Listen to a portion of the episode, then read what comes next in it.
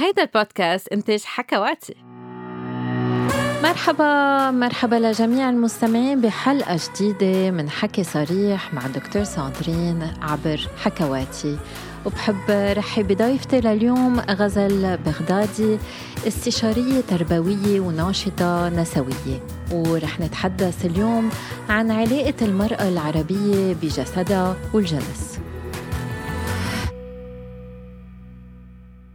ما بيخلقوا الفتيات وهن بيخجلوا من أجسادهم إنما بطريقة ما آه، بيحمل المجتمع والثقافة محرمات وتجسيد أجساد النساء بحيث بيجعل المرأة تفقد ملكية أعضائها التناسلية وبيملأها الجهل وكراهية الذات.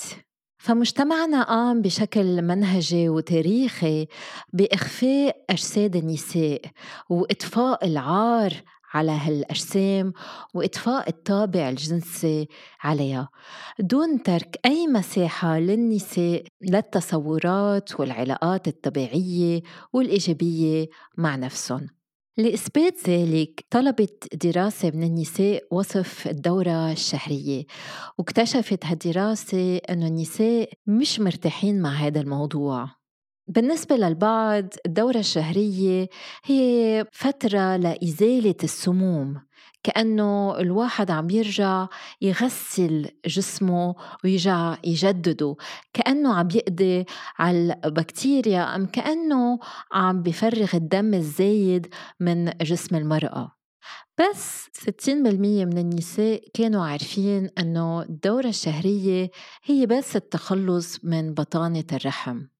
وحسب هيدي الدراسة كتار هن النساء اللي بيخفوا دورتهم الشهرية اللي ما بيحكوا عنها 56% بفضلوا يتعرضوا للتنمر بالمدرسة عن التحدث مع أهلهم حول الدورة الشهرية. 55% بفكروا أنه مجتمعهم بيعتقد أنه جسد الأنثى بيتسرب إفرازات مهبلية الميعاد وإلى آخره. والوحدة لازم تسيطر على هذا التسرب قد ما فيها لتتجنب الروايح والإحراج. نتيجة لذلك بتتجنب النساء عادة مسحة عن الرحم لأنه بيخجلوا من مظهر فرجهم ومن ريحته. وهذا الشيء عادة بيعرض صحتهم للخطر لأنهم هن خايفين أنه يحكم عليهم الطبيب وهيك بتزيد نسبة سرطان عن الرحم. 42% بيعتقدوا إنه مجتمعهم بفكر إنه المرأة لازم تحافظ على ثبات وشباب أعضائها التناسلية وجراحة تجميل الشفرات أكثر عمليات التجميل انتشارا بالعالم حيث إنه بتطلبها فتيات ما بتجاوز عمرهم تسع سنوات. هو الحقيقة كتير مزعجة. بس الواحد ما لازم يتجاهلها. بس تكون وصمة العار المجتمعية حول أجساد النساء والدورة الشهرية عندها تأثير هالقد كبير على صحتهم وثقتهم بنفسهم وحياتهم بكاملها. لازم نحكي عن الموضوع. النساء ما بيعرفوا معلومات كافية عن أجسامهم ونتيجة لذلك ما بيمكنهم أنه يقوموا بدور فعال برعاية أجسادهم. فمعرفة الجسد ومعرفة كيفية عمل الجهاز التناسلي بيمنح المرأة القدرة على الدفاع عن رفاهيتها والحصول على الدعم اللي بتحتاجه. ورح نناقش مع غزل بغدادي كيفية تحسين علاقة المرأة بجسدها وصورتها الجسدية. غزل كيفك؟ أنا منيحة كتير تمام؟ كيفك أنت ساندرين؟ ماشي الحال. بدي كتير شكرك لأنه قبلتي تكوني ضيفتي لليوم. قبل ما نحكي بموضوعنا بس إذا فيك شوي تعرفينا عن حالك وعن نشاطاتك. اسمي غزل بغدادي. أنا single mom أو أم عازبة لكنز عمرها خمس سنوات. أه بشتغل بمجال التربية والطفولة من عشر سنوات تقريبا ومن خمس سنين أسست علمتني كنز وهي واحدة من أكبر المنصات التربوية بالعالم العربي. مع الوقت اكتشفت أنه التربية الصح بتبدأ من الأنثى المتوازنة والسعيدة اللي هي الأم. فكرست كتير جزء كبير من وقتي لأدعم الأنثى لساعدها ولساعدها أنه تكون متمكنة وقوية على كثير أصعدة نفسية عاطفية وحتى جنسية كمان ببعض الأوقات. اي نحن عملنا لايف على انستغرام صحيح. و كنت شوي خجلانة بالموضوع بس صحيح اجى كتير كتير أسئلة و... لأنه في اهتمام بالنهاية بموضوع الجنس جدا بصراحة. وفي تابو تبع إنه الموضوع ما بينحكى عنه كثير فكان كثير خطوة جريئة مني صراحة إنه أعمل هيك موضوع وإنه هالقد عدد كبير كثير من النساء يشوفوه. لهلأ اللايف كثير التفاعل عليه حلو كثير الرسائل اللي إجت بعده كانت عن جد حلوة. وهذا الشيء اللي نحن رح نجرب نعمله اليوم إنه بركي نصحح. شوي النظرة اللي عنا إياها آه، للجنس وخاصة نظرة المرأة. حسب أنت خبرتك ومع خبرتك مع كنز شو نظرة المرأة العربية لجسدها ولا للذتها كمان ولا لذاتها ك... كامرأة؟ ولما لما أرق لما يعني لما سمعت هذا السؤال أو لما فكرت بهذا السؤال كثير خطر لي إنه لازم نفرق. خلينا نفرق بين جيل قبل يعني جيل جد أمي وستي وبين جيلنا اليوم. لأنه جيل قبل كان كثير نظرة المرأة للجسد إنه هي اليوم حتى اهتمامها بنفسها هو لأجل الطرف الآخر. يعني نحن ما تعودنا إنه نهتم بحالنا لحالنا. حتى اليوم لما كنا صغار أو لما مثلا نحط حمرة as teenager أو مراهقة كان دائما إنه لمين عم تحطي حمرة؟ مم. أو انت لمين عم تتمكيجي دائما نحن في هدف معين. فجسدنا ما كنا نحس تجاهه بالملكية أو بالخصوصية بأنه هذا جسمي هو إلي. أنا بحط كريمات إلي أنا بحط لوشن إلي أنا هاي الأشياء بعملها إلي. هو دائما نحن في طرف آخر عم ينتظر. وحتى الرجل عنده هاي الفكرة. يعني الرجل لما بشوفك مترتبة إنه انت عملتي هيك مشاني فما في هذا الاعتقاد بإنه لا هو جسدي أنا بعمل هيك لجسدي. بس بشوف إنه بالعشر سنوات الأخيرة لا الموضوع كثير تغير خصوصي مع ثورة التربية اللي عم نشهدها بالعالم العربي وتغيير الأنثى وال- وال- والتوعية اللي عم بتصير على ال social media. فبلاقي إنه نحن لا هلأ عم نهتم بحالنا لأجل حالنا وبلشنا يصير عندنا في هيك رابطة قوية بيننا وبين جسمنا.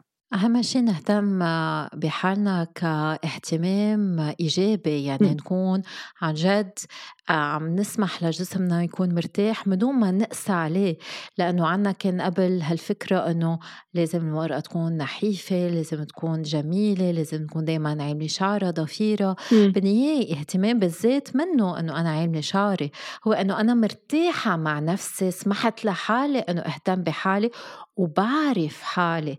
وهون بنلاحظ حسب الدراسات إنه النساء ما بيعرفوا حالهم. في دراسة فرجت إنه 25% من النساء ما بيعرفوا وين موجود المهبل 46% من النساء ما بيعرفوا وين موجود عنق الرحم وبس انطلب منهم إنه يحددوا وين ال- الرحم بحد ذاته 60% ما عرفوا وين م- وجود الرحم. مم. كيف فينا نفسر هالجهل بجسمنا؟ آه، هو بالنهاية هذا نحن وما بنعرفه. صح. بتخيل قلة الثقافة الجنسية. يعني أنا عمري اليوم 31 سنة وأنا ما اعد كبيرة بس أنا بقول لك إنه خلال 31 سنة من حياتي ولا مرة حدا بالغ سواء أمي أو المدرسة حكى معي عن ال- عن عن جسمي. يعني أنا ولا مرة تعرفت على جسمي خاصة إنه أنا دخلت الفرع الأدبي. فبالفرع الأدبي حتى مادة العلوم ما أنا موجودة. فاللي حصلوه بالفرع العلمي إنه تعرفوا على جسدهم بمادة العلوم أنا ما حصلته لأني دخلت فرع ثاني. فأنا خلال هدول 31 سنة ولا مرة حدا أعطاني معلومات عن جسمي. أنا حتى ساندرين لما جتني الدورة الشهرية لأول مرة أنا فكرت حالي معي نزيف. لأنه أنا ما كنت بعرف. واليوم بعد هالعمر لما بقول لها لماما بتقول لي إنه ولا مرة خطر لنا نحكي يعني ما خطر لي خبرك قبل. فما كان في هي التوعية بإنه لا الدورة الشهرية لها كثير تبعات. إلى اليوم تبعات الجسدية اللي لازم أعرفها تبعاتها النفسية اللي لازم أعرفها.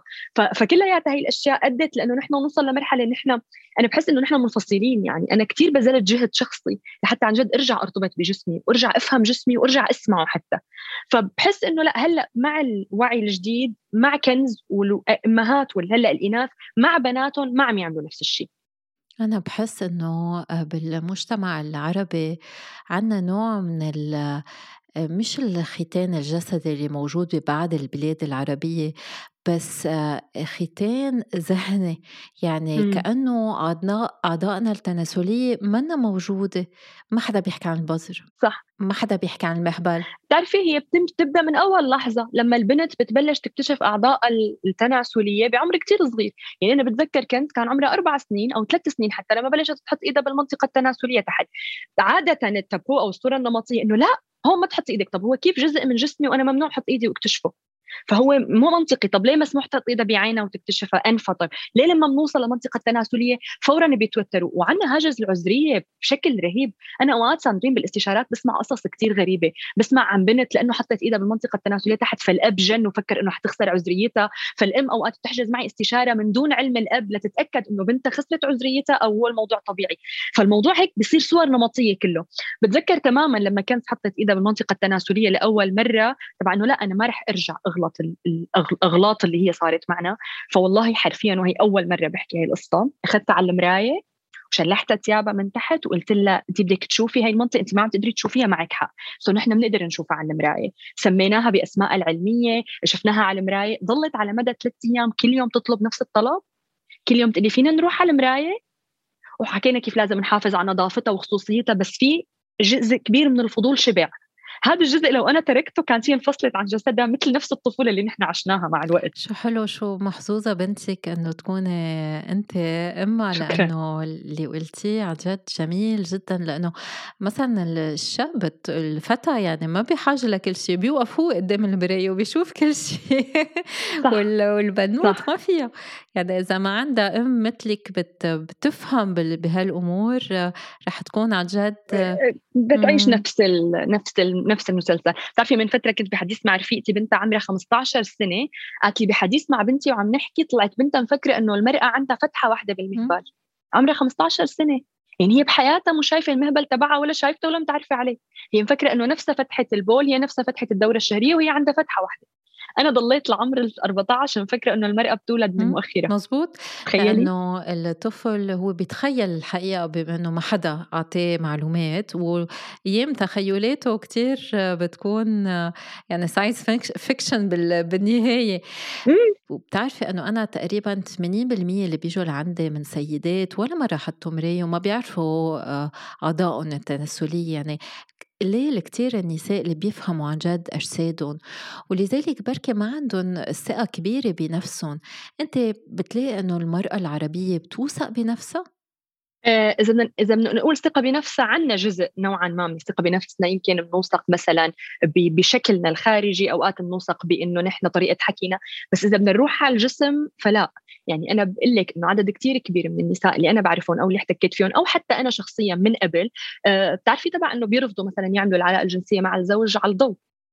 المرأة دائما تطلب إنه يتم طفي الضوء لحتى تبدا تعمل العلاقة الجنسية، لأنه هي ما عندها ثقة إنه هو هي قادرة إنه تكشف جسدها بالنور أو إنه يشوف جسدها بالنور، ولأنه أصلا هي ما وقفت ولا مرة على مراية وشافت جسدها، فهي ما عندها الثقة، وبتخيل موضوع عمليات التجميل والمطربين والفنانات والأشياء اللي عم نشوفها على ال social media كثير أثرت علينا، من فترة تابعت حدا على ال social media مشهورة، بتعرفي ساندرين؟ فجأة لقيت حالي عم بتطلع بالمراية وعم فكر إنه شو عملية التجميل لازم أعملها، فصرت أفكر إنه شبني ليه هيك عم بصير فعن جد قد إيه حسابها أثر علي لأنه أنا دائما عم شوفها حاطة eyelashes ووشها كله بوتوكس وكثير وشها perfect يعني perfect لدرجة ما في حشه حتى طبيعية.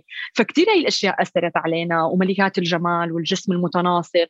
فصرنا نحس إنه لا وخصوصي بعد الولادة والتغييرات اللي بتصير بالأنثى فبحس إنه لا الثقة الجسدية بتروح لل minimum حتى.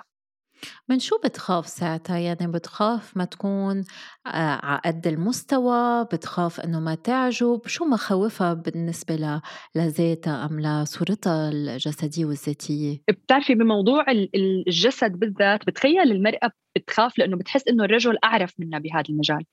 كونه الرجل بالعالم العربي بيكون عنده تجارب سابقة والأنثى غالبا ما بتكون الزواج هي تجربتها الأولى. فالرجل بتقول لك إنه هو عنده تجربة فهو مجرب فأنا لازم أطلع أحسن من التجربة. فبتعيش هذا الضغط النفسي. والمشكلة إنه هون بنقع بكثير آه، مشكلتين هن الاثنين صعبين. في عندها الخيار الأول إنه تخجل وتضل محافظة على هذا الخجل اللي هي حاسة فيه. وهون الرجل بينفر إنه هي كثير خجولة. وفي الخيار الثاني إنه طب تكون جريئة وتتعرف. وهون الرجل حيسأل هي كيف جريئة؟ أنت عندك تجربة قبل لحتى هيك جريئة؟ لأنه أنت مستحيل تكوني جريئة من دون ما تكوني مجربه فبتحسي ف... فكل هاي الأفكار بتمرق براسنا بالعلاقة الجنسية. فمشان هيك المرأة بالعلاقة الجنسية بيكون مخها ما قادر يوقف لأنه أنا شو بدي أعمل؟ أنا عم ضيع عن ذاتي بالنهاية. أخجل ولا أكون جريئة؟ ما أنا على الحالتين حادفع الثمن مزبوط مزبوط من هيك الحوار قبل ما نمارس كتير مهم. كرمال المرأة تقدر توضح مخاوفها وتعرف إنه بالنهاية الرجل ما بيعرف كل شيء بيكون هو كمان خايف بركي خايف ما يعرف يمتعها يعطيها لذة. الرجل عنده كمان نقص بثقته بنفسه. تنرجع للمرأة. شو اللي بيأثر عليها أكثر بالنسبة لجسدها ولنظرتها للجنس؟ هل هو المجتمع أم تربية الأهل؟ لا تربية الأهل أكيد لأنه المجتمع ما بيت يعني المجتمع ما بيصير في احتكاك مباشر بين المرأة والمجتمع عن موضوع الجنس وموضوع مغلف أصلا.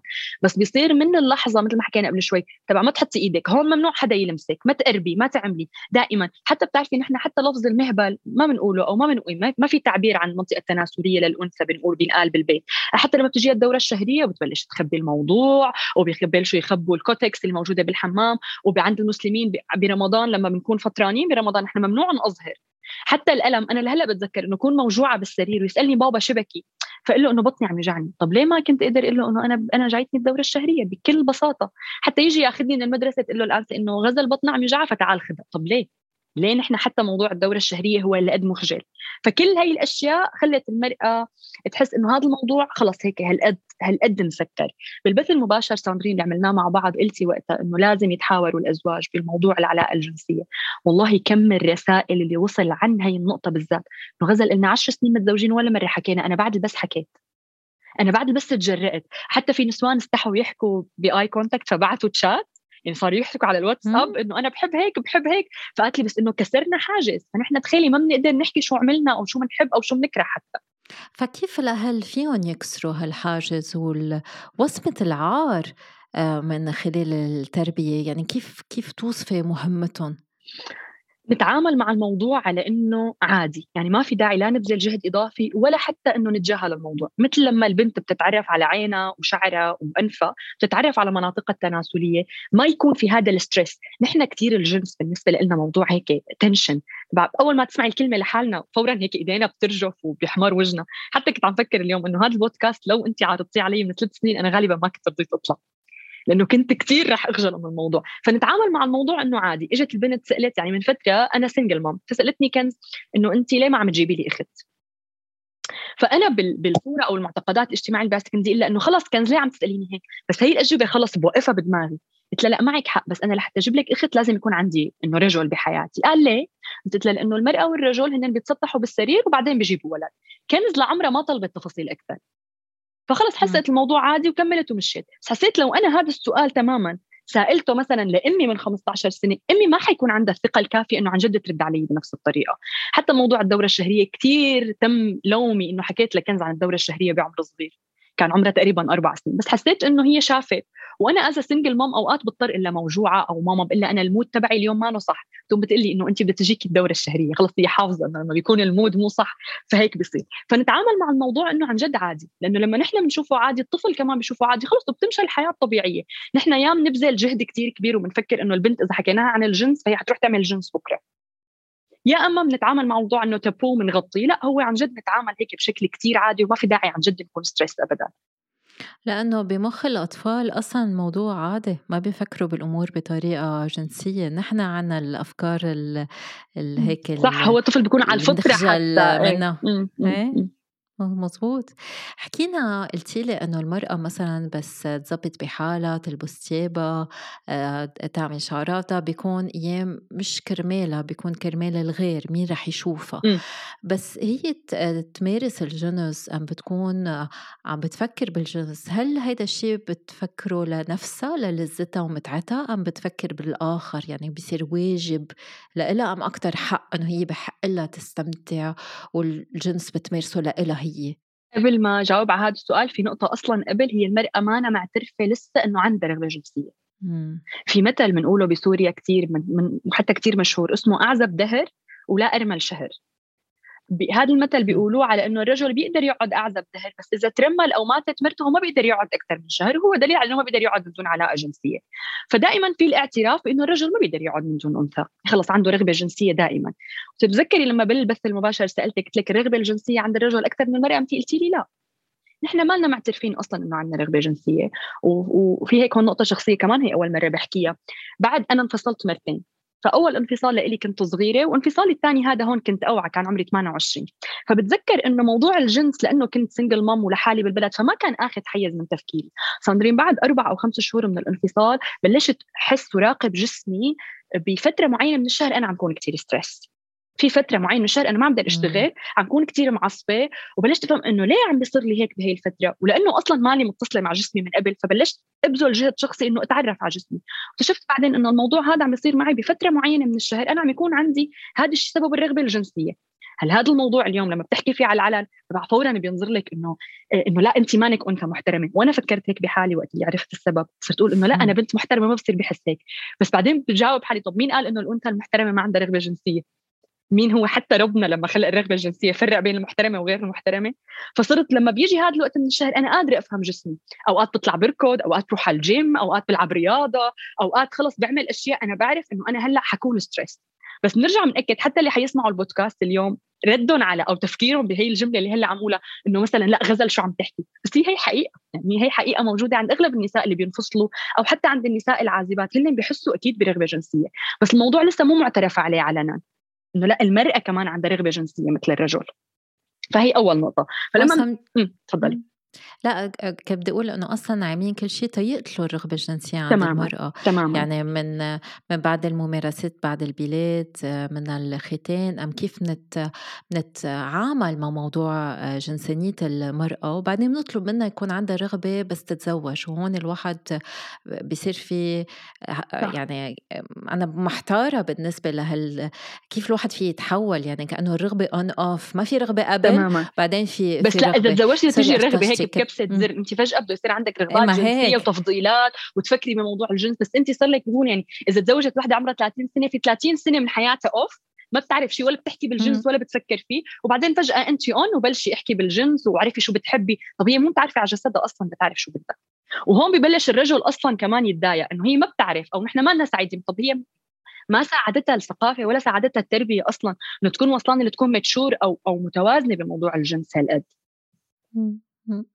كنت عم تقولي الأمر الثاني حكيتي بالأمر الأول إنه المرأة ما بتعرف أم منا بتعرف إنه ما في اعتراف إنه المرأة عندها رغبة جنسية وكان بدك تنتقلي للنقطة الثانية صح. فلما بنعترف إنه في عنا رغبة جنسية بنصير قادرين نحن ننظر للجنس إنه هو علاقة بين طرفين والمرأة مانا أداة للإمتاع الرجل. وهي هي نقطة كثير مهمة. نحن هلأ لما بنقول هاي الجملة بتقول لك المرأة إنه لا أنا ما بفكر حالي هيك. نحن بالعلن بنفكر هيك. بس deep deep inside هيك جوا بالعمق هي بالنهاية لما بتعمل جنس بيكون كل تفكيرها كيف هو ينبسط فما بتفكر. بتذكر مرة آه، قبل قبل يعني قبل حفل عرسي أو هيك كنت قاعدة مع حدا كبير عنا بالعائله مستحيل أنسى الجملة ساندرين. قالت لي إنه كثير كثير سهل المرأة تحافظ على زواجها. عمرها كان 60 سنة يعني كبير أنا قلت لها إنه كيف تحافظ على زواجها؟ قالت لي كثير سهلة المرأة بس تمثل وتقول آه.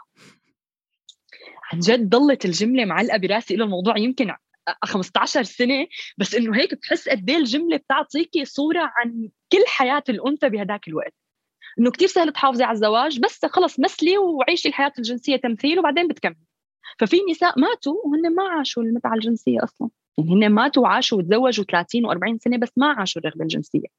فاليوم لا بتخيل إنه الموضوع أحسن.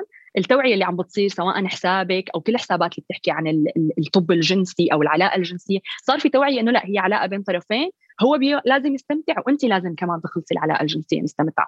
طبيعي لأنه هذا الشيء اللي بيسبب الرضا الجنسي بين الشريكين يعني إذا هي عم بتمثل رح تكون معصبه رح تكون موترة رح تصير عم بتلوم زوجها رح يكون ما بقى عندها نفور ما بضيق خلقها يعني اليوم الحياة ما عادت مثل ما اللي كانوا يكبروا بالقرية وكل واحد عم مشغول بواحد عم يحفر الأرض والثاني عم بيهتم بس بالمنزل. اليوم الحياة بت تمشي في وسائل التواصل الاجتماعي في معلومات عم توصلك في أفلام عم بتشوفيها. ففي قصص عم بتأثر عليك وعم بتحسسك أنه طب ليش أنا لأ؟ ليه أنا ما عندي هالشي؟ فالحاجة العاطفية والجنسية كتير زادت بالزواج. قبل ما كانت مهمة قبل كانت كان الهدف أنه نربي الأولاد الأطفال. اليوم صرنا الهدف أنه نحن نكون آه، متفقين سوا أنه نختير سوا. ما فينا نتفق سوا إذا ما في آه، حياة جنسية علاقة صح متناغمة. آه، بتعرفي عندي صديقة أخصائية نفسية من فترة عم تقلي كانت بجلسة نفسية مع مع أنثى يعني. فعم تقلي إنه قد ما stress وهيك قام سألتها إنه أنت متزوجة إمتى آخر علاقة جنسية عملتوها؟ قالت نحن صرنا أربع سنين بننام كل واحد بغرفة. فقالت لها الأخصائية النفسية أنت لهذا السبب stress انت لهذا السبب متوترة. لا المرأة بتعزي توترها وال stress تبعها على كثير أشياء ثانية بس مستحيل تفكر بالعلاقة الجنسية لأنه هي تربت مثل ما حكينا قبل شوي إنه ما عندها أصلا رغبة جنسية. وبيكون أصلا الرجل لما بيصير هيك بيكون الرجل يعني معايش حياته برا لأنه ما حيقدر يستمر كل هي الحياة من دون علاقة جنسية. فبيكون هو عايش حياته بس هي صار لها أربع سنين عم تنام بغرفة لحالها بالنهاية. وهون بركي لازم نذكر إنه الرغبة الجنسية والممارسة الجنسية كتير تلعب دور ب الشعور المرأة بأنوثتها بوجودها آه، يعني من هيك أنا بشوف كتير كابلز بيجوا لعندي إنه هي بتكون عم تطلب وعم تقول أنا شريكي ما عنده رغبة عندي رغبة أكتر منه عم بحس حالي مش مرغوبة عم بحس حالي مني مرأة عم بحس حالي مرفوضة هذا كتير مهم إنه مع إنه بركي بتعرف إنه غير رجال بيرغبوها بس مش هيدا المهم لإلها هي المهم لإلها بعلاقتها بالنسبة إلى زوجها. مزبوط من هي متزوجة معه مش مع المجتمع بالنهاية وهذا شيء أساسي بين الشريكين ومثل ما قلتي إنه بعد اللايف اللي عملناه كتير نحن حد ركزنا على الحوار بين الزوجين أم بين الشريكين شو برأيك آه، أكبر تابو بالنسبة لهالحوار؟ إنه المرأة تتجرأ إنه تحكي هذا الحوار من دون ما تخاف من صورتها بعقل الرجل. هي هذا أكثر موضوع عن جد بيوتر وبقدر يحس قد إيه هو كثير صعب على المرأة. إنه أنا هلأ إذا حكيت شفتي قبل شوي قلتي إنه إجت لعندك حدا وقالت لك أنا عندي رغبة جنسية أكثر منه؟ هذا اعتراف كثير جريء. كثير جريء إنه تقولوا أنثى بالعالم العربي لأنه نحن بنعرف كيف بتتربى. فإنه تفتح موضوع الجنس مع زوجها من دون ما تخاف إنه بركي هلأ فكر إني شايفة شيء بركي فكر إنه أنا حابة بركي فكر إنه أنا عندي تجربة قبله. كل هاي الأشياء بتخليها عن جد ما تفتحها. فبحس إنه هلأ أهم خطوة تأخذها إنه ما نفكر شو الصورة اللي بده يأخذها الشريك.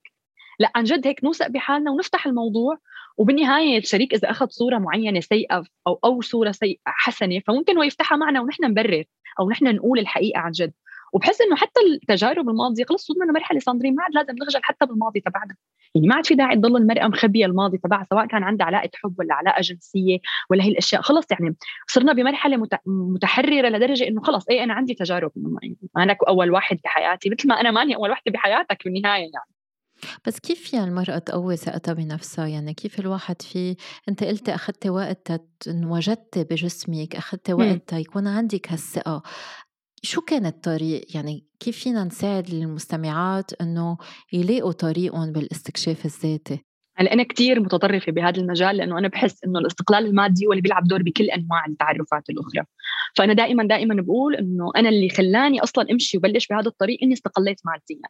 لأنه الاستقلال المادي بيعطيكي تحرر على كثير أصعدة. بيعطيك تحرر من المجتمع من الأهل تحرر من الزوج تحرر من سلطة الأولاد تحرر على كل الأصعدة. فبحس إنه الاستقلال المادي هو خلص هيك الدرجة الأولى. لأنه لما بستقل ماديا ما عاد بهتم إذا أهلي تضايقوا من فكرة حكيتها ولا إذا عملت بث مباشر وأهلي انزعجوا. أهلي ما بينزعجوا يعني اني anyway بس إذا. آه والاستقلال المادي كمان هو اللي بيخليه إنه أنا إذا حكيت معه هذا الموضوع ورد علي بطريقة معينة أنا فيني أمشي. بكل بساطة أنا بحمل حالي وبمشي. فاليوم المشكلة كمان إنه بالعالم العربي في نساء مستقلات ماديا بس لسه مو حاسين بهي الجرأة والقوة. فأنا بحس إنه لا اليوم لازم نبلش نفكر نحب حالنا. أه تفيق هيك المرأة توقف عن جد على المراية إذا هي ولا مرة موقفة على المراية عارية توقف اليوم. يعني تسمع هذا البودكاست وعن جد تروح توقف بالحمام تشوف جسمها تتعرف عليه وتحبه. لأنه باللحظة اللي بنحب فيها جسمنا بتشققات الحمل اللي فيه بالترهلات اللي بتصير بعد الولادة. هي اليوم أنتجت طفل بالنهاية هو كل كل الحياة يعني. بحتى الشعر اللي إذا كان خفيف ولا إذا كان كثير ولا طويل ولا ولا قصير كل شيء. فعن جد هيك بحس إنه هي العلاقة بتنخلق بشكل تدريجي. يعني أنا عن جد اليوم بحب جسمي. وجت فترة هيك سمنت على ال lockdown على الاشياء زدت 9 كيلو وبلشت أتضايق. بعدين صرت أفكر إنه أنا متضايقة من جسمي بس إنه هو حملني بال lockdown بالنهاية يعني. فرجعت هيك تبع إنه لا صرت بلبس وعن جد بحب حالي. والنقطة اللي كتير هون مهمة واللي فرقتها إنه نظرتي لحالي كتير يعني انعكاس عند الشريك. يعني أنا بعد ما حبيت حالي صار حتى لما بكون بعلاقة أو مع شريك متعرفين على بعض هو نظرته لجسمي بتكون مختلفة كتير عن قبل لأنه أنا اليوم هالقد بحب حالي. هذا شغلة كتير مهمة وفي كتير دراسات فرجتها إنه بس المرأة تكون مرتاحة مع حالها. شو ما يكون وزنها شو ما يكون شكلها بتجذب الأشخاص حواليها لأنه بحسوا فيها أنه مرتاحة و... وعن جد ساكنة بجسدها وهذا شيء كتير مهم. وبالأول حكيتي عن ال... الجملة تبع ساكنة بجسدها. إيه إنه الواحد يكون متواجد مع نفسه وعن جد بي... بيبعت الحب. أنا دائما بقول لل patients عندي إنه خذوا نفس عميق تخيلوا لون آه، مريح وبعتوا هاللون مع محبتكم. صوب الاعضاء اللي أنتم عادة ما بتحبوها وحبوها وعبطوها هن هن المناطق اللي بحاجة لحب مش منخاركم لأنه أنتم كتير حابينه. لا المنطقة اللي أنتم ما بتحبوها هي اللي بحاجة لحب لأنه هي اللي كبينا على جنب ما بدنا نشوف مزبوط اللي ما بدنا نشوفها ما بدنا نهتم فيها. بعلمتني كنت كونه بنشتغل بال content وأشياء فكتير بنشوف المحركات البحث شو بيبحثوا عليها. بتعرفي شو أعلى جملة عليها بحث من قبل النساء النساء ساندرين آه، ترهلات البطن. أوف. كيفية التخلص من ترهلات البطن مم. هي أكثر جملة عليها search من طرف النساء بالعالم العربي wow. اللي هي بعد الولادة بترهل بطنها وبتبلش كل يوم تفوت وعلى فكرة هذا سوق كثير كبير للخلطات الطبيعية والأشياء اللي بت... التخبيص اللي بخبصوه قد ما كان سعر الخلطة الأنثى مستعدة تدفع لتخلص من ترهلات البطن أوف. لأنه نحن بنعرف هيدي جلدة وحتى إذا الواحد بده يروح يعمل عملية رح يضل في يعني بضل الأثر. إيه في في أثر أكيد. حكيتي كمان م. غزل عن الدورة الشهرية وكيف المرأة والبنت بتربى من دون ما تكون مرتاحة مع دورتها الشهرية. في دراسة فرجت أنه النساء اللي مرتاحين مع دورتهم الشهرية بيكون عندهم راحة أكتر بالنسبة لصورتهم الجسدية وبالتالي بيكون عندهم تأكيد جنسي أكتر وخبرة جنسية أكتر وبيخاطروا بحياتهم الجنسية أقل. ف وفي كمان دراسة فرجت إنه كل ما الواحد بيكون مرتاح مع نفسه بيروح عند الطبيب بيعتني بنفسه بيعمل فحص الإزازة بس تكون المرأة حاسة إنه جسمي مقرف وبيطلع روايح ومنه مريح ما بتروح عند الطبيب لأنه بتستحي تطلع روايح قدام الطبيب. يا الله. فالصورة الجسدية الإيجابية والنظرة الإيجابية تجاه الدورة الشهرية كتير مهمة للصحة عامة. النسائية والصحة الجنسية. كيف بنساعد أن المرأة توصل لهالشيء؟ أول شيء هلأ وانت عم تحكي طب هو الصورة النمطية للدورة الشهرية كثير سيئة خصوصي بالعالم العربي وبالثقافة خليني أقول نوعا ما الإسلامية المغلوطة اللي وصلت.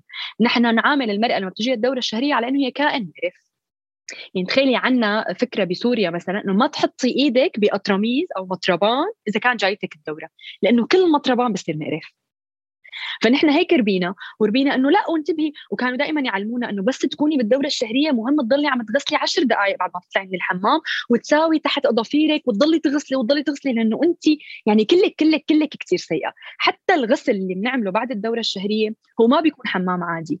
هو طبعا بده يكون إذا إذا المسلمين بيعملوا غسل طهارة أو هيك بس هو حتى ال concept تبعه أو تعريفه إنه انت كنت كثير وسخة وهلأ بدك ترجعي تعيدي تنظيف نفسك من البداية. فهي كلياتها أشياء أثرت. بتذكر مرة طلعت story على علامتني كنز كنت عم ببكي وعم أقول إنه عم بعمل website جديد وإنه كثير متوترة. وبقلب story مرة قلت إنه أنا لأنه كمان اليوم اليوم الأول من دورتي الشهرية. والله ساندرين الهجوم اللي تعرضت له كان خطير. كان خطير الموضوع له ثلاث سنين. بس الهجوم تعرضت له من نساء. يعني أنا مو رجال اللي فاتوا هاجموني. فاتوا هاجموني نساء. طب انت ما بتجيك الدورة الشهرية مثلي؟ إنه ليه قلتيها على العلن؟ هلأ أنا ما عم أقول نمسك لافتة ونروح نقول مرحبا أنا بالدورة الشهرية. بس كتير سهل إنه إذا يعني نحن ناخذ إجازة من الشغل من دق بنقول إنه أنا مريضة. طب قولي قولي إنه أنا مانث عم بيصير معي هاي المشكلة وأنا بدي محتاجة يومين بالشهر آخذ فيهم أشتغل من البيت مثلا. فهالموضوع المخجل هذا خلص عم ينتقل لل... لل... للأولاد عم ينتقل حتى للذكر. ليه الذكر ما يكون بيعرف؟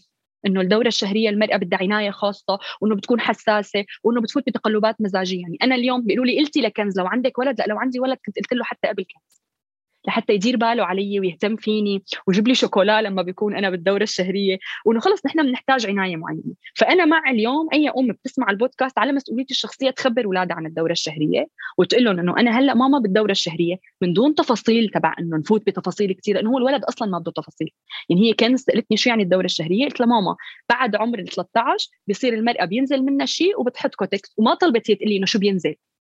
يعني هي اكتفت بهي التفاصيل. فصيروا قولوا. يعني خلص هلأ قولوا للذكر وللانثى ماما أنا بالدوره الشهريه اليوم ما رح أقدر أطبخ أو أنا تعبانة ما رح أقدر ألعب معك. فبصير الموضوع مثل ما حكينا قبل عادي.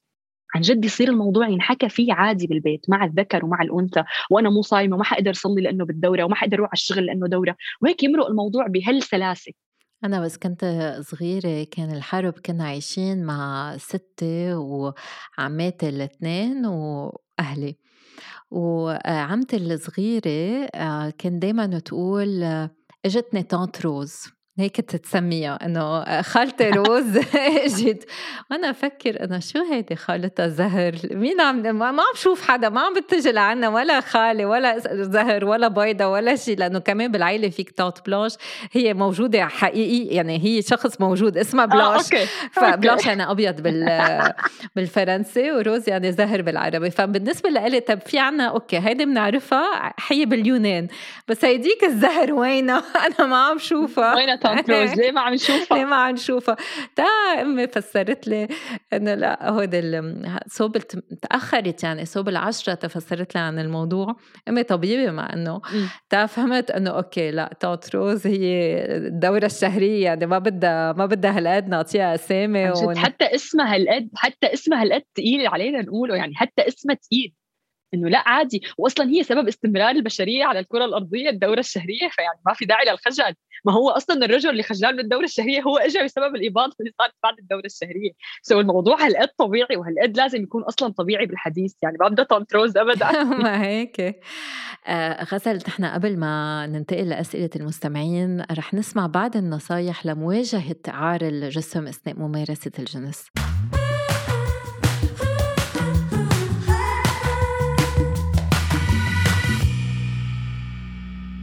50% من النساء بيأجلوا عم بيتفادوا ممارسة الجنس حتى بس يكون طالع عبالهم أم عندهم رغبة للممارسة لأنه بيشعروا بالسمنة الزايدة وبحسوا حالهم ناصحين. العار الجسدي بغرفة النوم بيفسد الجنس بالنسبة لعدد متزايد من النساء يكونوا ضعاف أم يكونوا أكثر وزن أم أكتر بدانة ما بهم حجم جسمك ما بهم حجمك لأنه القلق الجسدي ما له علاقة إذا أنت بدينة أم إذا أنت نحيفة بس هو بيتعلق بكيف بتفكري بنفسك. إذا بتشعري إنه كل مرة اللي عم تمارسي فيها الجنس خايفة إنه شريكك يشوف أم يلمس منطقة من جسمك منا مثالية رح نعطي بعض النصايح تتوقفي من القلق بشأن جسمك وتحسي عن جد حالك عندك ثقة بنفسك أثناء ممارسة الجنس.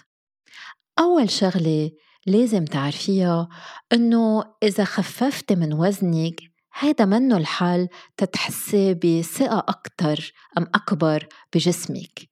لأنه بس تضعفي بتشعري بتحسن لمدة عشر دقايق بس وبعدين بترجعي بتركزي على عيوب أخرى بجسمك وما في جسم من دون عيوب هذا شيء طبيعي.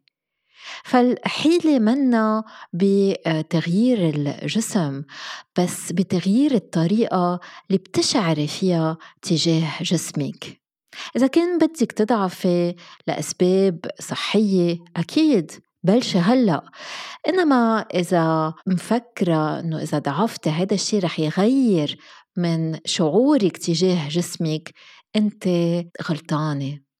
لأنه إدراكك لجسمك ما له علاقة بحجم جسمك الحقيقي. بالفعل دراسات فرجت إنه النساء اللي بيكونوا ضعاف أكثر بيكونوا عادة أقل رضا عن مظهرهم ومش أكتر رضا. تاني نصيحة تقبلي أنه الرجال ما بيحبوا النحيفات بس. كتار من الرجال بحبوا التضاريس إنما مش التضاريس مثل مبينة بالأفلام الإباحية يعني هالشفاف الكبار وهالصدر المكبر أما المؤخرة الغير طبيعية لا بحبوا النساء الحقيقيات اللي عندهم جسم حقيقي واللي ما بيتوافى مع المعايير اللي منشوفهم على السوشيال ميديا. تالت نصيحة اشكري أهلك إذا نموا جواتك صورة جسدية إيجابية وإذا ما عملوا هالشي إذا ربوك بطريقة سلبية بعلاقتك مع جسدك احكي معهم تواصلي معهم. الصورة الجسدية السلبية عادة بتنشأ بسبب عدة عوامل وبس نكون عم نكبر بعائلة بتفتخر بالمظهر أو النحافة. هذا شيء بيأثر على الأطفال وبيسبب وعي ذاتي سلبي للجسد وللصورة الذاتية. فإذا كانت أمك آه، نحيفة ودايما عم تتبع آه، دايت أم نظام غذائي باستمرار فهذا الشيء عادة ما بخليك تنمي على حب الجسم السليم. إذا ما ربوك أهلك مع رسائل صحية وإيجابية ما تتقبلي أي سلوك أم أي تعليق سلبي بيجي من نفسك لأنه هالتعليق منه منك؟ هيدا جاي من تربيتك. وجربي صلحي هيدا الشي وجربي قولي لحالك قدي أنت بالعكس مش ضروري نقول حلوة بس كافية. إنك حلوة مثل ما أنت. لأنه شو ما يكون حجمك أنت بتستاهل الحب والمتعة وأهم شي بتستاهلي الحب الذاتي. وإذا عندك أطفال كمان ربيهم بهالطريقة. ربيهم بطريقة إيجابية بالنسبة لأجسامهم. رابع نصيحة رفضي غسيل المخ من قبل المجتمع والإعلام. يعد المقارنة بالعارضات والممثلات ومحاولة تحقيق المثالية الإعلامية للجمال الأنثوي هو العامل الأكبر اللي بيساهم بقلق الجسم. هذا هو الاستنتاج اللي توصلت له كل دراسة أكاديمية أجريت على الإطلاق حول مسألة صورة الجسد. مين قال أنه النحافة والطول أكتر جاذبية من البدانة والقصر؟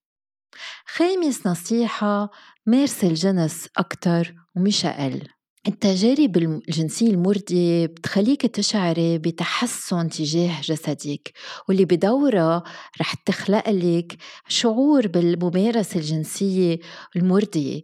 والجنس المرضي عادة بقوي الصورة الجسدية والصورة الذاتية.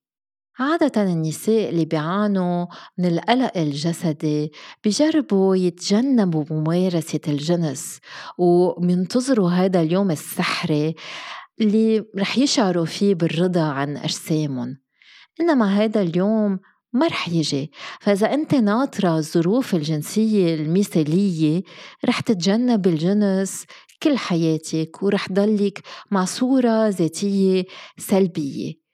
لذلك لازم بس تمارس الجنس مثل ما بيقولوا بدعاية نايكي just do it. بس ما تمارس الجنس. رح تقضي وقتك عم بتطلعي على عيوبك. رح تصيري تفتشي على المواقع. كيف فيك تضعفي؟ كيف فيك تشدي بطنك؟ بدلا عن ذلك فوتي على مواقع إيجابية. وين بتشوفي إنه كل الأجسام حلوة وطبيعية. بتفرجي الأبحاث إنه كل ما أنت بتعتقدي إنك أنت عن جد حلوة وبتوثقي بنفسك ومرتاحة بجسمك كل ما بيقل قلقك بشأن مظهرك بالسرير. وكمان اونلاين فيك تفتشي بال بعض المواقع الإيجابية كيف الواحد بيمارس الجنس بطريقة مختلفة بركي ساعتها بتنوعي مهاراتك الجنسية فبتفرجي الأبحاث أنه كل ما المرأة بتحس حالها واثقة من حالها جنسيا كل ما بخف قلقها بشأن مظهرها بالتخت. سادس نصيحة كوني أكتر نشاطا بالسرير. يعني بدل ما تستقلقي على ظهرك وبس تفكري بشكلك تفكري بشو عم بفكر شريكك بجسمك مارسي الجنس فعليا. بس تخففي التفكير وتتحركي أكتر وتبادري أكتر ساعتها ما بقى رح تفكري بجسمك ورح تستمتعي الممارسة أكتر. فكل ما بتكوني عم تمارسي الجنس كل ما بخف تركيزك على الأفكار السلبية. سابع نصيحة حول التركيز منك. للشريك.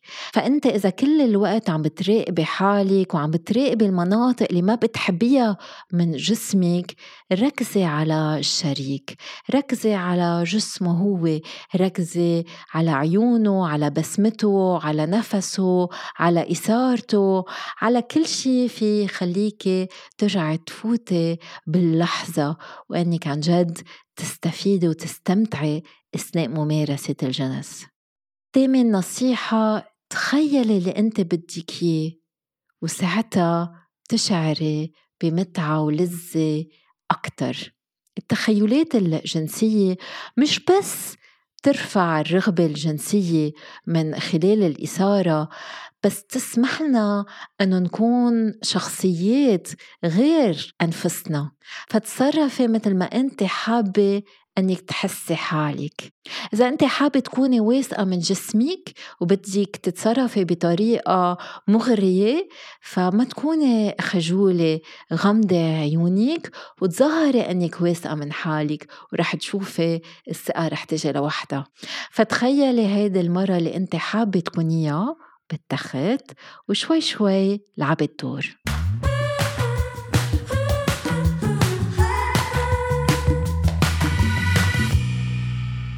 غزل اجينا تعليقات وأسئلة عن الموضوع ورح نحاول نجاوب على البعض منها في سيدة قالت لنا أنا ما بعرف شو بدي أسأل لأنه ما بعرف شيء عن الموضوع. أوه. كثير صعب السؤال. ما بعرف بتخيل إنه لازم نبل يعني تبلش مثل كأنه هي هلأ عم تتعرف على الموضوع بس بجهدها الشخصي. يعني الفرق إنه هون ما لها محتاجة بالغ إنه يعرفها يعني هي ما طفلة بس هي قادرة اليوم والإنترنت أصلا ما عاد ترك حدا عنده عذر. فهي قادرة اليوم تتابع مثلا ال website عندك تسمع بودكاست الحلقات القديمة تعمل search على جوجل تكتب جسم المرأة كيف أتعرف. يعني تحاول إنه عن جد تتعرف بس بحس إنه هيك. بس تعرفي كمان في نقطة إيجابية إنه هي بتقدر هلأ تفوت الرحلة من أولها لحالها. 嗯。بس تتشوفي إنه في كتير كتير جهل عن الموضوع وبي وهذا اللي بيسبب عار لأنه مم. بس ما بتعرفي شغلة بتستحي منها لأنه بتفكري حالك لوحدك هيك. هبلة كمان هيك بيجيكي شعور بالغباء. مزبوط. إنه تبع أنا ما حأحكي فيها لأنه أي سؤال ممكن يطلع غبي. وخاصة بس نحكي عن الأعضاء التناسلية عند المرأة لأنه إذا بتحضري فيلم بتشوفي أوف الفرج كتير متناسي ولونه زهر ما في ولا شعرة. إذا المرأة بتحط مراية بتشوف إنه الشفرين ابدا مش متناسقين في شعر في إفرازات بتحس حالها ليه أنا هالقد بشعة ومقرفة وبالحقيقة لا إنه أنت أنت حلوة و... وبتستاهلي تحبي حالك قبل ما حدا يحبك على كل الأحوال وهذا الشيء اللي صح. كتير صح. مهم في كتير سيدات غزل بيقولوا إنه وفي سيده كمان بعتت رساله عم بتقول إنه هي ما بتحب إنه زوجها يشوف اعضاء التناسلية لأنه بتحسهم كتير آه، شنيعين إنه مسي. ما بس معلش ساندرين أنا هون عندي سؤال يعني نحن كيف عم نحسهم شنيعين؟ ليش إحنا شو شايفين؟ يعني هي شو شايفة؟ لتكون شايفة إنه يعني شو شو الحالة المثالية اللي شايفتها لحتى تفكر إنه عن جد مناطقها التناسلية بشعة؟ بتكون شايفة أم رسوم لأنه بالرسوم بيكونوا كتير هيك الرسمة بتكون حلوة وعادة بنحط زهرة آه وهيك أم بتكون okay. شايفة أفلام okay. إباحية فبتفكر إنه هي شكلها منه طبيعي وال في الأطباء عم بيشجعوا أصلا الجراحة التجميلية للأعضاء التناسلية في آه. في business كتير كبير على الموضوع حرام لأنه ما هن الشفرين عندهم وظيفة جنسية كرمال يصير في تزليق أثناء العلاقة بس نجي نصغرهم ما بيعود في هالشي في سبب الام أثناء العلاقة. لا لحظة أنا شوي كأنه ما فهمت هي عملية التجميل بتصير للمنطقة التناسلية نفسها؟ يعني في عملية تجميل لهي المنطقة؟ إيه لل... بي... آه. بيصغروا الشفرين الصغار إذا بيكونوا طوال أو مش متناسقين. وبعض الأوقات بتعرفي البذر عنده هيك آه، مثل حشفة مثل طربوش صغير آه، في منهم بيقصروا الجلدة بيلاقوها كتير طويلة كتير نازلة. بس بس هالجلدة الشفرين عندهم وظيفة؟ هلأ إذا عن جد الواحد هو عم بيمشي متضايق عم بالملابس الداخلية المرأة متضايقة هون في حاجة للعملية ما بتكون تجميلية بتكون وظيفية. بتكون طبية. إيه بتكون طبية.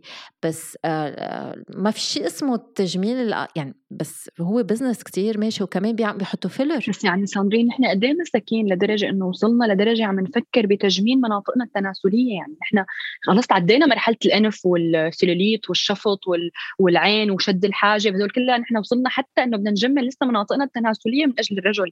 يعني نحن وصلانين لمرحلة كل ما عم تصير اسوء مزبوط أنا أول مرة بحياتي بسمع بهي العملية اليوم. يعني أنا ابدا ابدا ما سبق وعرفت إنه في هيك عملية أصلا انه في نساء عم يفكروا أصلا يعملوا تجميل. من فترة كنت ب group نسائي بتعرفي بالجروبات بحطوا أسئلة كثير ففي وحدة كاتبة إنه قولوا لي كيف بدي اخلي منابت شعري من هون متوازية. أم أنا لقيت سؤال كثير غريب بس تعليقات ما كانت توحي إنه السؤال غريب. تعليقات كانت توحي إنه كلهم عم يقولوا لها وعم يعطوها طرق انه أنا مثلك.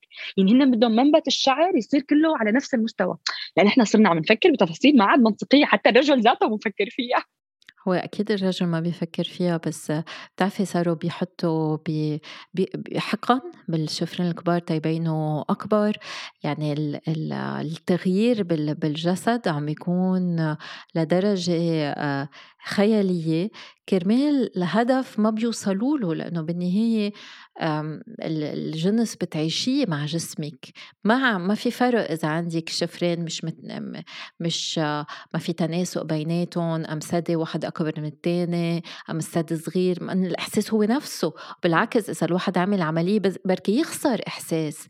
وهذا أنت كنت عم بتحكي عن ترهل البطن بس هالبطن بعدها هي نفسها ذاتها بتحس بنفس الشيء؟ حتى إذا شكلها تغير ومش يعني إنه هي مش حلوة قبل. إذا بتشوفي الرسامين من زمان كانوا يرسموا المرأة الملانة اللي عندها طيات على بطنها هذا كان الجمال. اليوم الجمال اللي بنشوفه هو على الميديا منه جمال حقيقي. وسأل الرجال أصلا شو بحبوا هل بحبوا الضعاف هيك؟ بشك. اي لأ هو أصلًا الجمال نسبي، وأنا يعني على فكرة لأوضّح أنا ماني ضد عمليات التجميل، بس أنا ضد الهدف اللي عم نعمله من وراء عمليات التجميل، يعني اليوم عملية التجميل إذا أنتِ رايحة لتصيري تبيني سكسي أكثر أو لتصيري تستمتعي بالعلاقة الجنسية أكثر فهي نفس الفكرة اللي قلتيها. هي مشا العلاقة الجنسية إحساس. فسواء صدرك كبير أو صغير هو نفسه الإحساس ما رح يتغير. بس أنا كثير مع إذا في اليوم شيء مانعنا أو أو محسسنا إنه نحن بنحب حالنا أكثر إذا عملناه فأنا ديفنتلي مع إنه الوحدة تجرب بس مو لدرجة إنه نوصل لتجميل المناطق التناسلية لأنه هي أكيد هي ما عم تعملها مشانها. هذا هون كتير مؤكد إنه عم تعملها لأسباب تانية. وفي يكون في فيها تكون مضرة مثل اللي بيبيضوا كمان المنطقة التناسليه هذه كتير مضرة فيها تسبب كتير فطريات والتهابات وحساسية يعني. كنت عم تحكي عن طيات آه. البطن غزل في سيدة عم بتقول إنه هي من بعد ولادة طفلة بتكره طيات بطنها وبتمارس بالظلام. كيف فيها تتخلص من من خجلها؟ كيف فيها هيك تمكن حالها تكون فخورة من جسمها بتعرفي أنا أول شيء كثير بحب ربط هدول الطيات بإنجاز يعني هو اليوم الجسم لحملنا برحلة الحمل والولادة. فأنا عن جد بحس إنه لازم نشكر كل قطعة بجسمنا لأنه الحمل الحمل أصلا معجزة رهيبة يعني. فأنا حتى يعني أنا حتى موجودين عندي لأنه كمان حملت وولدت بس أنا بحبهم كثير وخصوصي بحب هدول علامات الزهر اللي بيطلعوا على طرف. لأنه هن بذكروني بكنز أنا ذكروني إني صرت أم. وعلى فكرة في كثير عدد من الرجال بيشوفوا هدول الأشياء إنه هن سكسي يعني هن بشوفوهم فهي لو بتغير نظرتها يمكن يكون زوجها أصلا ما عنده مشكلة. بس دائما بنرجع بنأكد على فكرة الانعكاس يعني لما هي بتشوفهم مزعجين ومضايقين زوجها حيبلش يحس هيك. ولما بتعمل سكس على الظلام فهو مزعج لجوزها أكثر من الطيات اللي على بطنها الحقيقة. مزبوط. يعني هو السكس حلو يكون بإنه بطريقة نحن شايفين بعض وعم نستمتع لأنه هو جزء من العلاقة الزوجية بالنهاية. في رجل بيجي لعندي بيقول لي إنه بفضل اليوم جسم شريكته على جسمها من 15 سنة لأنه بحسه جسم عيش جسم عطى الحياة جسم كبر بلاقيه حلو بلاقي كل التفاصيل حلوة لأنه كلهم هودي يعيشون سوا.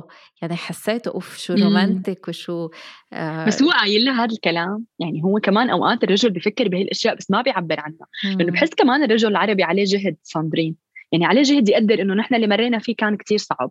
فهو لازم يساعدنا to build up أو لنبني ثقتنا بجسمنا أكثر. فبحس كمان في لود كبير على الرجل العربي لازم يتوعى عليها إنه لا المرأة العربية عندها نقص بثقتها بجسدها فتفضل ساعدها. فهو قايل لها هي الجملة لمرته يا ترى هو قايل لها بس هي ما بتصدقه. يعني هي بتقول له لأنه هو عنده مشكلة بي بي عم بيخسر الانتصاب من وقت لوقت لأنه عنده خوف من الفشل قد ما بيحبها بخاف يخسر الانتصاب معه. فهي بتفكر إنه هي ما عم تعجبه إنه جسمها ختيار إنه جسمها كبير إنه ما بقى بتعجبه إنه عم بيفكر بغير نساء فهي كل الشك بجسمها هو الشك بأدائه. شوف ال كيف ال في فرق شوي عايشين بقى الاثنين عم بشكوا يا الله. مزبوط. مزبوط في فرق صح حتى بطريقة التفكير يعني. مم. المراه كتير بتفكر بشكلها بمظهرها. الرجل بفكر أكثر بأدائه بس الشباب صايرين بشكله بفكروا بمظهرهم كمان يعني مش مش مقصرين بال بالموضوع. التجميل.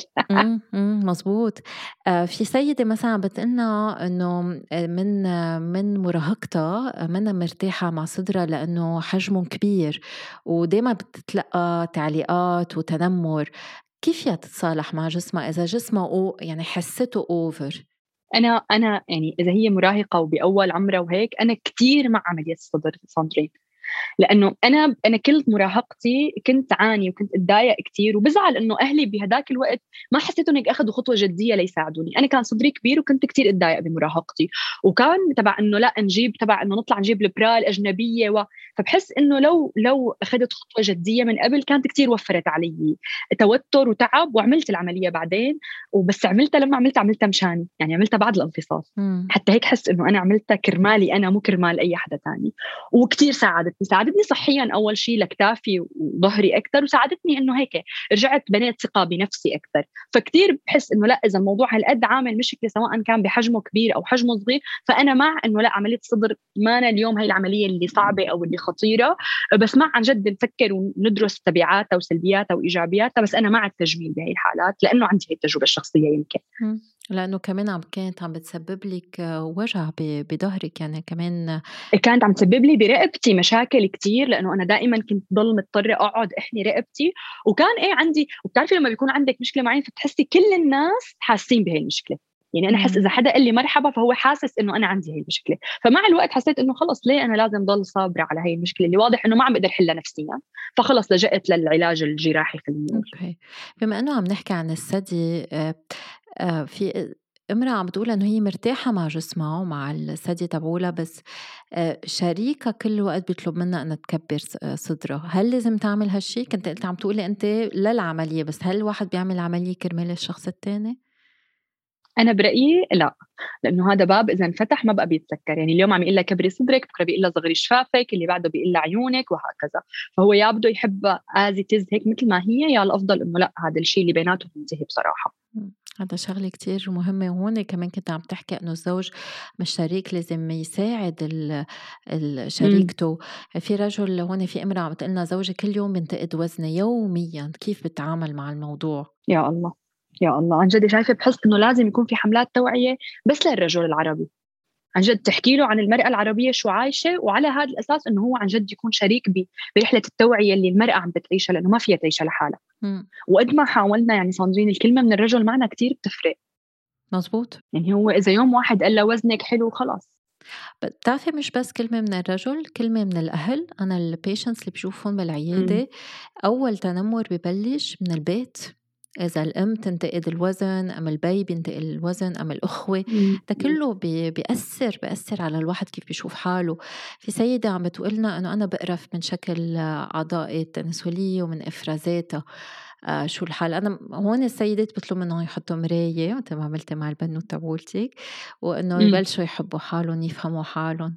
يعني نحن اليوم إذا إذا ما كان عندنا معرفة لتمنا أم لعيوننا أم منخارنا بس تعودنا عليهم بنلاقيهم كتير غريبين بالنهاية منهم ليش. نحن هالقد معودين عليهم؟ لأنه بنشوفهم فبدنا نتعود كمان على أعضائنا. عن جد. لا وبتعرفي وكثير مهم تعرف إنه كلياتنا عندنا إفرازات وكلياتنا هي ما غريبة عايشة لحالها. بس لأنه هذا الموضوع ما بينشاف أو ما بينحكى عنه على العالم فبفكر حالها لحالها. مثل ما أوقات بطلع من دون ميك اب أو بطلع من دون مكياج على ال story فيقولوا لي إنه هي عندك نمشات أنا كنت فكره مغطيه النمشات. ليه بدك تغطي النمشات؟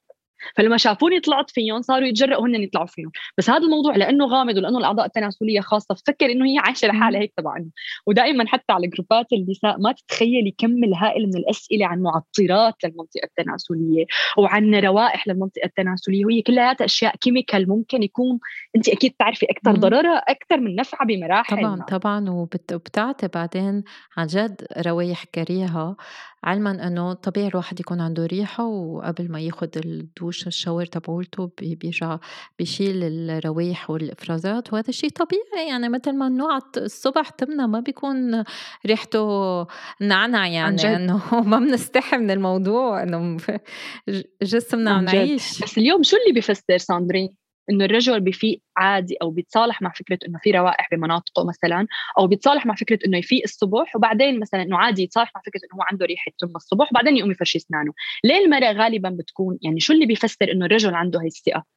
عكس المرأة شو اللي فرق بالتربية اليوم؟ أنا بفتكر هيدا بلش من التربية من الأساس كيف الأم ربت بناتها وشو هي الرسالة اللي قالت لهم إياهم. أنا بحسهم لأنه بيقولون لازم دايما تعملي هيك لزوجك لازم دايما تكوني منظفة حالك. عيب إذا أنت طب والرجل شو قالوا له؟ ما قالوا له شيء أنت الرجال أنت أقوى واحد.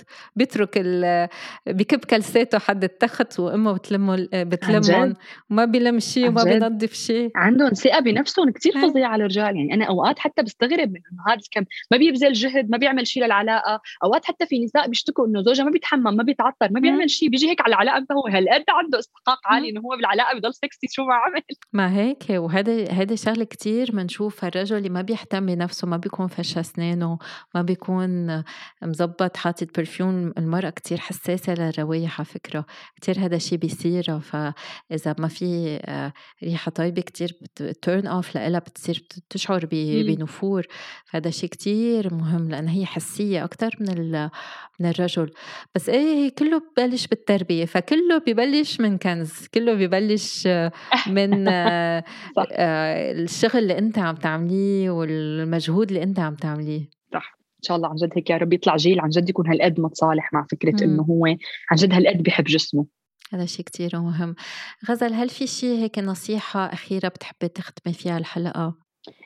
بحب إيه بحب أقول إنه هيك عن جد يعني عن تجربة حتى كثير شخصية إنه إنه رحلة حب الجسم وحب الذات هي كثير رحلة ممتعة. هي رحلة أوقات بتوجع لأنه بتطلع كثير تروما أو بتطلع كثير صدمات سابقة. وبعرف إنه ما أنا سهلة بالعالم العربي لأنه في كثير تنمر وفي تنمر على الشكل من الأهل ومن المجتمع ومن كثير ناس.